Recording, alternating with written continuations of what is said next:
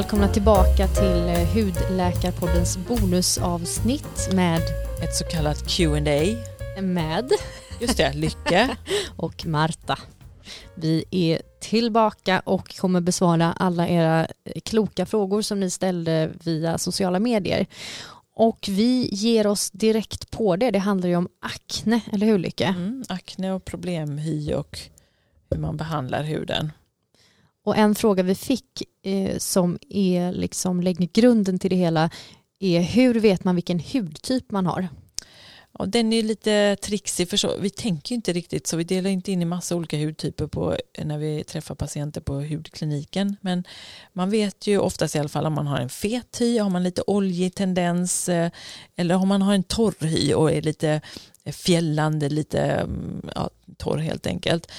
Eh, och då om man har en fet hy så är, har man ofta eh, missuppfattningen att man ska tvätta sig jättemycket med tvål. Och tvål löser fett vilket inte är bra i huden för då blir man ännu torrare eller man blir torr helt enkelt och även fet hy kan bli torr och irriterad av att eh, bli eh, för mycket eh, tvätt med tvål. Så att man ska tvätta sig vanligt två gånger om dagen, en mild rengörare och man behöver även en mjukgörande kräm när man är fet i hyn. Men man kanske väljer en lite mer tunnare kräm, inte så eh, tjock kräm utan mer lotionaktig. Och har man en torr hy däremot så behöver man en kräm som är lite fetare eh, och eh, då väljer man om med lite mer fett i.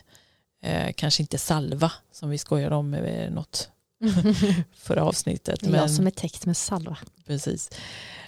Och har man en blandhy som man oftast ibland kan ha, man kan vara lite fetare i just T-zonerna, så får man väl ta en kräm som ligger där lite mittemellan eller variera sig. Bra. Och om det är så att man har en hy med mycket pormaskar, det här tog vi ju upp lite grann i vårt avsnitt, men vad kan man göra åt det? Men pormaskar, eh, då kan man använda preparat ju som innehåller eh, lite mer eh, vitamin A-derivat som vi säger, eller retinoider. Och det är för att lösa upp de här propparna, de är komedolytiska som vi säger, de löser upp komedoner. Just det, och där kan man också ha salicylsyra att ta till. Det kommer jag komma in på lite senare, men det är ju det som kallas BHA oftast. Och sen också det här, em, ska man trycka ut sina pormaskar? Nej, man ska inte trycka överhuvudtaget för då blir ju risken för R mycket större. Så inte pilla och inte trycka. Och använda en mjukgörare som är icke-komedogen, alltså inte pormaskbildande. Precis, och det står ju ofta på produkterna när man går till apoteket faktiskt, eh, eller ja, var man än köper produkter, att de är icke-komedogena. Och det här med vitamin A-derivat eller retinoider eller retinol, det pratas ju ganska mycket om eh, överallt i, i hud och hudvårdssfären. Och det finns ju både eh, sådana eh, ingredienser i receptbelagda produkter och i icke receptbelagda produkter och olika mm, sådana här skönhetsprodukter. Så att vad är skillnaden egentligen? Ja, men retinol är ett väldigt hett ämne nu kan man säga. Det eh, pratas mycket om det. Och eh, skillnaden är eh, att de här som man förskriver för då bland annat akne de är mycket högre i koncentration. Retinoider är ett samlingsnamn för ehm, eh, vitamin A varianter helt enkelt. Och där ingår retinol som ofta finns i kosmetiska produkter. Och det, finns, det kan också stå ret, retinaldehyd eller retinyl Eh, palmitat, då är det en ester. Så det finns lite olika preparat. Och, men det som är aktivt på själva cellnivån det är vitamin A-syra och det är ett preparat som heter tretinoin. Då. Så att, ehm, och det som verkar på cellerna det ska alltså vara vitamin A-syra och de här andra ehm, är ju förstadier till det så de behöver omvandlas i huden innan de kan verka på cellerna så de blir alltså lägre koncentration när de väl kommer till cellnivå medan om man behandlar sig med en ren tretinoid så är det vitamin A-syra direkt så den är oftast i högre koncentration. Och det är det som finns i våra receptbelagda preparat mer eller? Just det. All right. Och sen det här med akne-R, funkar retinol eller retinoider mot akne-R? Jo, men det är gjorts eh, ganska nyligen en studie eh, på ett eh, kombinationspreparat som innehåller både bensylperoxid som vi har pratat om innan som är lite antibakteriellt och just det här retinoid. Eh, och där har man sett att det funkar faktiskt på akne, dels för att förebygga och dels på redan existerande akner. Men då är det inte sådana här hypertrofa, alltså upphöjda bulliga ärr, utan då är det mer sådana här atrofiska ärr som är lite mer som gropar i huden. Och sen eh, acelainsyra har man också sett i studier kan ha effekt mot eh, eh i alla fall det som vi kallar hyperpigmenteringar, att man får mörkfärgning i huden efter inflammation såsom akne. Just det. Så det kan man också ta till faktiskt. Mm. Och sen så kom det också in en fråga kring C-vitamin och retinolkrämer för att förbättra hyn. Vad säger du om det Lycke? Ja, men just retinol har jag faktiskt, där är, finns det ju en hel del studier gjorda sedan länge tillbaka just på retinoider. Och det är väl det man kan säga faktiskt har fungerat Ehm, dels mot akne såklart men dels också som en anti-aging produkt. Så där finns det faktiskt eh, bevis för att det, det funkar som en anti-aging. Man har sett eh, mindre rynkor i huden. Det stimulerar kollagen och elastin så på så vis så blir det mindre rynkor och ehm, ja, en förbättring av hudkvaliteten helt enkelt. Så är det något som funkar faktiskt eh, så är det retinoider. Så det verkar vara ett rätt bra preparat men man kan som vi också nämner i avsnittet reagera mot det ganska starkt och ja. få eh, torrhet och irritation och så. Så om man har en torr eller känslig hy. Då kanske man ska ta, dels så, så, får man inte förskrivet då, utan man får köpa sådana här överdisk och de är oftast i lite lägre koncentration. Ehm, men de sägs ofta om det är 0,5 procent eller 1 procent retinol. Det är mest, mest av det innehåller retinol. Då kan man väl i så fall kanske börja med en sån som är lite lägre styrka eller också börjar man använda det varannan dag eller så. Sen har du väl det här med C-vitamin också. Det är inte gjort lika mycket studier på det.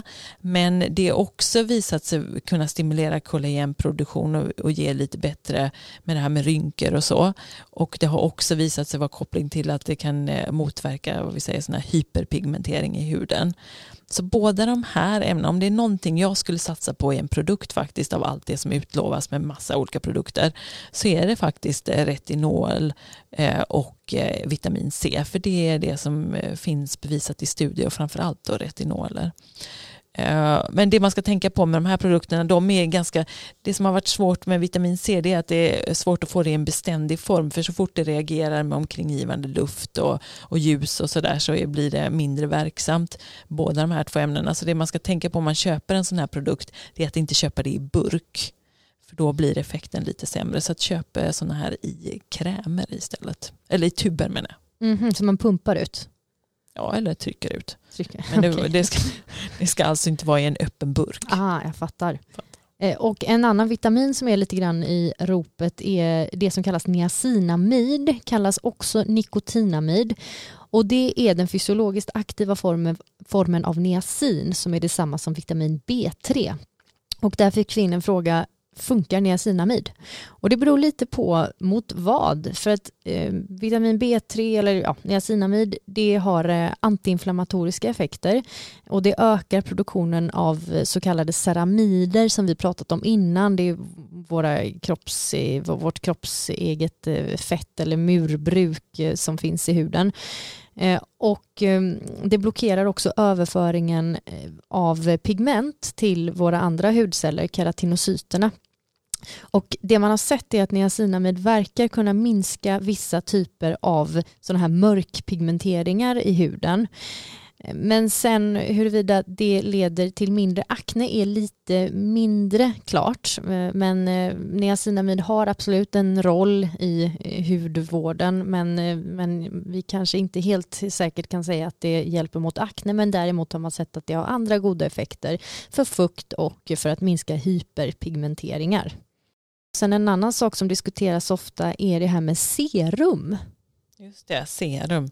Det är, ofta, det är mycket sådana här heta ämnen, niacinamid, serum och, och retinoler och grejer. Men serum är, det beror ju också helt på, hjälper det huden? Men det beror ju också på vad serumet innehåller. Det finns ju massa olika substanser eh, som kan vara eh, säkert effektfulla på huden. Så det beror helt eh, det, vad det innehåller helt enkelt. Men serum är oftast lite eh, lättare konsistens och det innehåller oftast lite mindre molekyler vilket gör att de penetrerar huden lättare eh, och uppfattas då gå in i huden lättare helt enkelt. Eh, än vad en kräm gör. Och en kräm har ju mer eh, fukt i sig ehm, och är mer av en barriärskyddande så att den ska hindra fukten från att avdunsta från huden. Så att skulle jag ha en torr hud så skulle jag nog hellre satsa på en, en kräm. Men eh, ett serum kan ju kännas väldigt skönt på huden för att den går lätt in och det beror som sagt på vad den innehåller för ingrediens. Så det är lite svårt att svara på om serum ja. hjälper eller inte beror helt på vad den innehåller. Och vi fick också en annan fråga lite kopplat till det här för serum kan ju vara svindyrt att köpa. Eh, det finns ju små, små, små tuber som kostar, alltså jag vet inte hur mycket. Jag har en förkärlek för att köpa olika krämer och eh, grejer så jag vet. Jag har faktiskt inga serum dock. Har du inte? Det Nej. måste du ha. Ja, precis. Jag måste komplettera detta. Nej, jag har inga serum eh, och vad gäller om man har dyra eller inte dyra produkter så fick vi en fråga hur man får till en ordentlig och djup rengöring av ansiktet utan att använda jättedyra produkter. Och det kan man inte. Nej, det är kört. Nej, men alltså, och då återkommer man till det här ganska enkla svaret att man behöver nog inte använda sådär jättedyra produkter egentligen. De rutinerna som jag och Lycka har och som vi förordar är egentligen eh, att återgå till basics. Att inte använda tvål återigen eller eh, scrubs som irriterar utan ha en mild rengöring med ett pH på, som vi sa i avsnittet, 5,57 ungefär.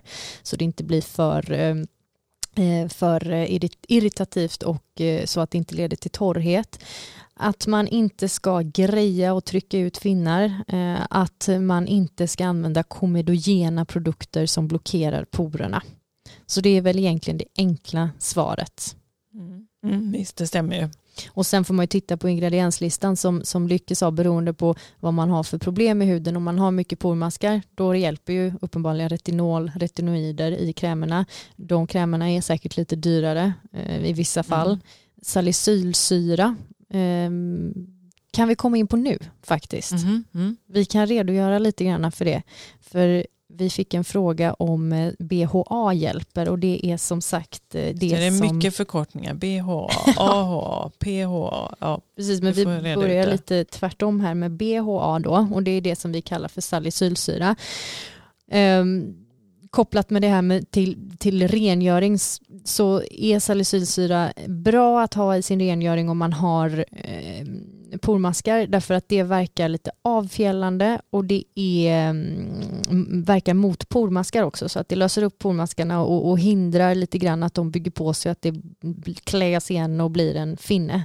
Och det har också milda antiinflammatoriska egenskaper och BHA eller salicylsyra kan man hitta i receptfria geler, lotions, lösningar, pads och allt vad det är. Man använder det en gång dagligen eh, för det mesta, upp till tre gånger dagligen och eh, om man blir väldigt torr så kan man såklart minska det till några gånger i veckan. Och frågan är då, är salicylsyra eller BHA effektivt? Och då finns det ett par studier som faktiskt har visat att salicylsyra är en effektiv behandling mot akne man kan ta till det som ett alternativ till, till eh, personer som inte riktigt tolererar de biverkningarna man kan få från retinoider, att man blir torr, eller bensylperoxid, Eh, det som eh, till exempel på apoteket kallas Basiron, som man också kan bli irriterad av. Man kan också använda det i olika kombinationer med att man till exempel har en BHA eller salicylsyra kombinerat med bensylperoxid eller något annat. Så det har faktiskt effekt. Och sen har vi ju lite andra syror också som är diskuterade. AHA till exempel? Ja, precis. AHA. Det är också en eh, syra som diskuteras mycket, eller det är olika syror egentligen. Det står för alpha hydroxy acids. Finns också i tvättar, lotions, krämer, peeling och så vidare. Och det är ett samlingsnamn för olika syror, eh, bland annat glykolsyra och mjölksyra. Och det här är en svagare syra som också orsakar avfjällning och underlättar den här normala avstötningen av döda hudceller som alltid sker i vår hud. Och det kan också faktiskt minska eh, mörkfärgade fläckar efter inflammationer, alltså hyperpigmenteringar. Så är det effektivt? Ja, skulle jag säga. Mm. Det finns inte jättemycket bevis för att AHA eh, som eh, finns i de beredningar och de koncentrationer som man köper i, i butiksprodukter är effektiva mot akne. Det verkar mest vara effektivt om man kombinerar det med något annat, till exempel vårt favoritpreparat eh, retinoider. Just det. Men däremot kanske AHA minskar ålderstecken lite grann har man sett. Mm.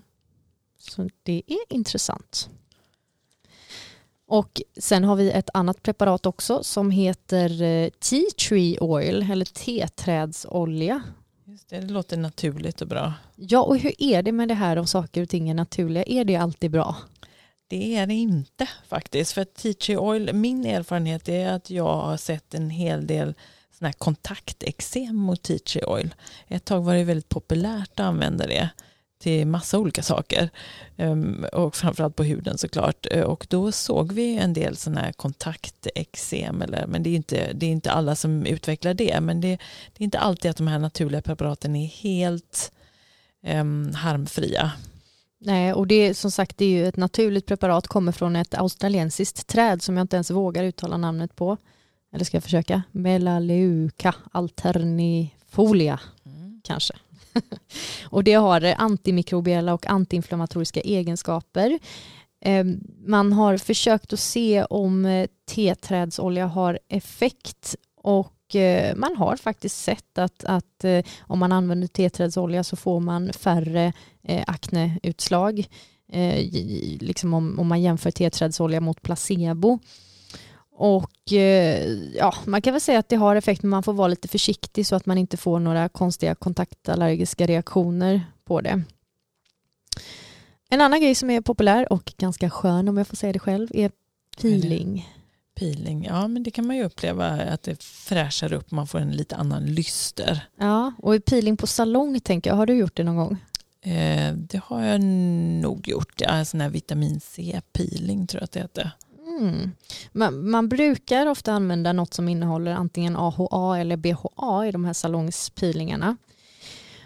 Och eh, jag har gjort detta. Jag tycker det är jättetrevligt men eh, jag har inte riktigt liksom satt mig in i om det har någon effekt eller inte. Jag tycker bara det känns eh, skönt. Så att nu satte jag mig ner och letade efter om det har en vetenskapligt bevisad effekt med sådana här peelings som ofta, eller ja, inte sällan kostar lite grann. Eh, det, som med allt annat, höll jag på att säga. Men det, det, finns inga högkvalitativa studier på just de här eh, pilingarna. peelingarna. Men eventuellt eh, så, så är det så att eh, det ändå har effekt eh, med både AHA-peelings och BHA-peelings. Eh, men det som är, är att man måste ofta upprepa behandlingarna och resultaten är ibland temporära och ibland är det kanske inte så jättestora resultat. Eh, men en viktig grej att tänka på är med alla typer av peelings är att om man eh, använder eh, retinoider, framförallt i eh, tablettform, alltså det som kallas Roacutan eller isotretinoin, så ska man inte pila sig för då kan man få en jättekraftig reaktion. Det som också är viktigt att tänka på det är att man inte går ut och solar direkt efter man har gjort någon sån här peeling eller att man, man utsätter sig för sol helt enkelt för att då är man ju extra, hudlagret är extra tunt och man är extra känslig i huden och risken för att man då får pigmenteringar som är oönskade är, är ökad. Så att försiktighet i solen och försiktig vår och sommartid med sådana här peelings helt enkelt. Just det. Och hur var det nu med den här hormonaknen inför mens? Hormonaknen inför mens, den, det kan ju vara så att man blir eh, värre i sin akne i samband med eh, PMS, eh, sin hormonella cykel helt enkelt. Ehm, och då kan man vara bekänt av att behandla det med p-piller och då ska det vara sådana här östrogendominerande p-piller. Så det finns beskrivet som ett alternativ behandling men har man bara enstaka finner lite då och då så tycker jag då kanske man kan stå ut med det. Då, eller behöver man p-piller så kan man ju för sig ta det och då se till att det blir något östrogendominerande. Men ehm, det kanske inte föranleder behandling. Och ett annat behandlingsalternativ är ju långtidsantibiotika, tre månader. Just det. Eh, vi fick en fråga, ger inte det jättemycket resistens? Hur tänker man? Jo, men förr i tiden så behandlade man ju under mycket längre tid eh, ehm, aknepatienter med antibiotika och brydde sig inte så mycket om det här. Men sen har man sett faktiskt resistensutveckling och då har man begränsat det. Läkemedelsverket har begränsat det här till två omgångar med eh, långtidsbehandling med oftast då tetracyklin i tre månader. Sen får man ge sig på annat preparat och då blir det ofta remiss till en hudklinik. Just Men jag tycker inte man behöver vara rädd om man har fått detta utskrivet. Det är inte farligt att använda antibiotika under de här längre tiderna och kontrollerade former utan eh, det kan man göra men eh, inte för mycket. Och på tal om längden på olika behandlingar, hur länge ska man egentligen behandla sig om man har krämbehandling mot akne? Ja, men normalt man får ha väldigt mycket tålamod med det här. Det, det tar tid att få effekt eh, på aknebehandling ehm, Ehm, och det brukar oftast ta två, tre månader innan man ser någon tydlig effekt. Och det viktiga här är också att man fortsätter efter man har blivit bra och fått effekt. Det är väldigt lätt att man avslutar en behandling när man har blivit bra men här måste man faktiskt fortsätta ett tag efter också för att det inte ska komma tillbaka. Och det kan också vara läge att byta behandling och då brukar vi tänka så här att om man har en mild eller måttlig akne som inte har svarat på receptfria preparat typ som salicylsyrepreparat och bensylperoxid och så och man har stått eller använt detta i tre månader då får man nog bedömas och se om man behöver något receptbelagt preparat. Men om man har en svårare akne då får man vara lite på det och det handlar om att förhindra ärrbildning. Om du får ärr då är det kanske läge att och, och i alla fall utvärdera behandlingen. Och såklart, alltså man får ju bryta behandlingen om man har biverkningar som man inte klarar av och som inte går över. För ofta kan huden vänja sig lite vid de här biverkningarna. Jo, man får inte ge upp för tidigt men, eh, men eh, inte heller hålla på för länge med något som inte funkar såklart. Men oftast brukar vi säga att vi följer upp detta om tre månader och ser hur det har funkat. Ni är jättevälkomna att skriva till oss på sociala medier och glöm inte att lyssna på vårt akne-avsnitt. Här blev det ju crash course för en extra intresserade. Precis, så man ska egentligen ha lyssnat på akne-avsnittet innan man gick på de här avancerade frågorna. Men mycket av det här kommer vi komma tillbaka till. Jag har ju faktiskt en förkärlek av eh, en viss anledning till de här anti-aging-produkterna.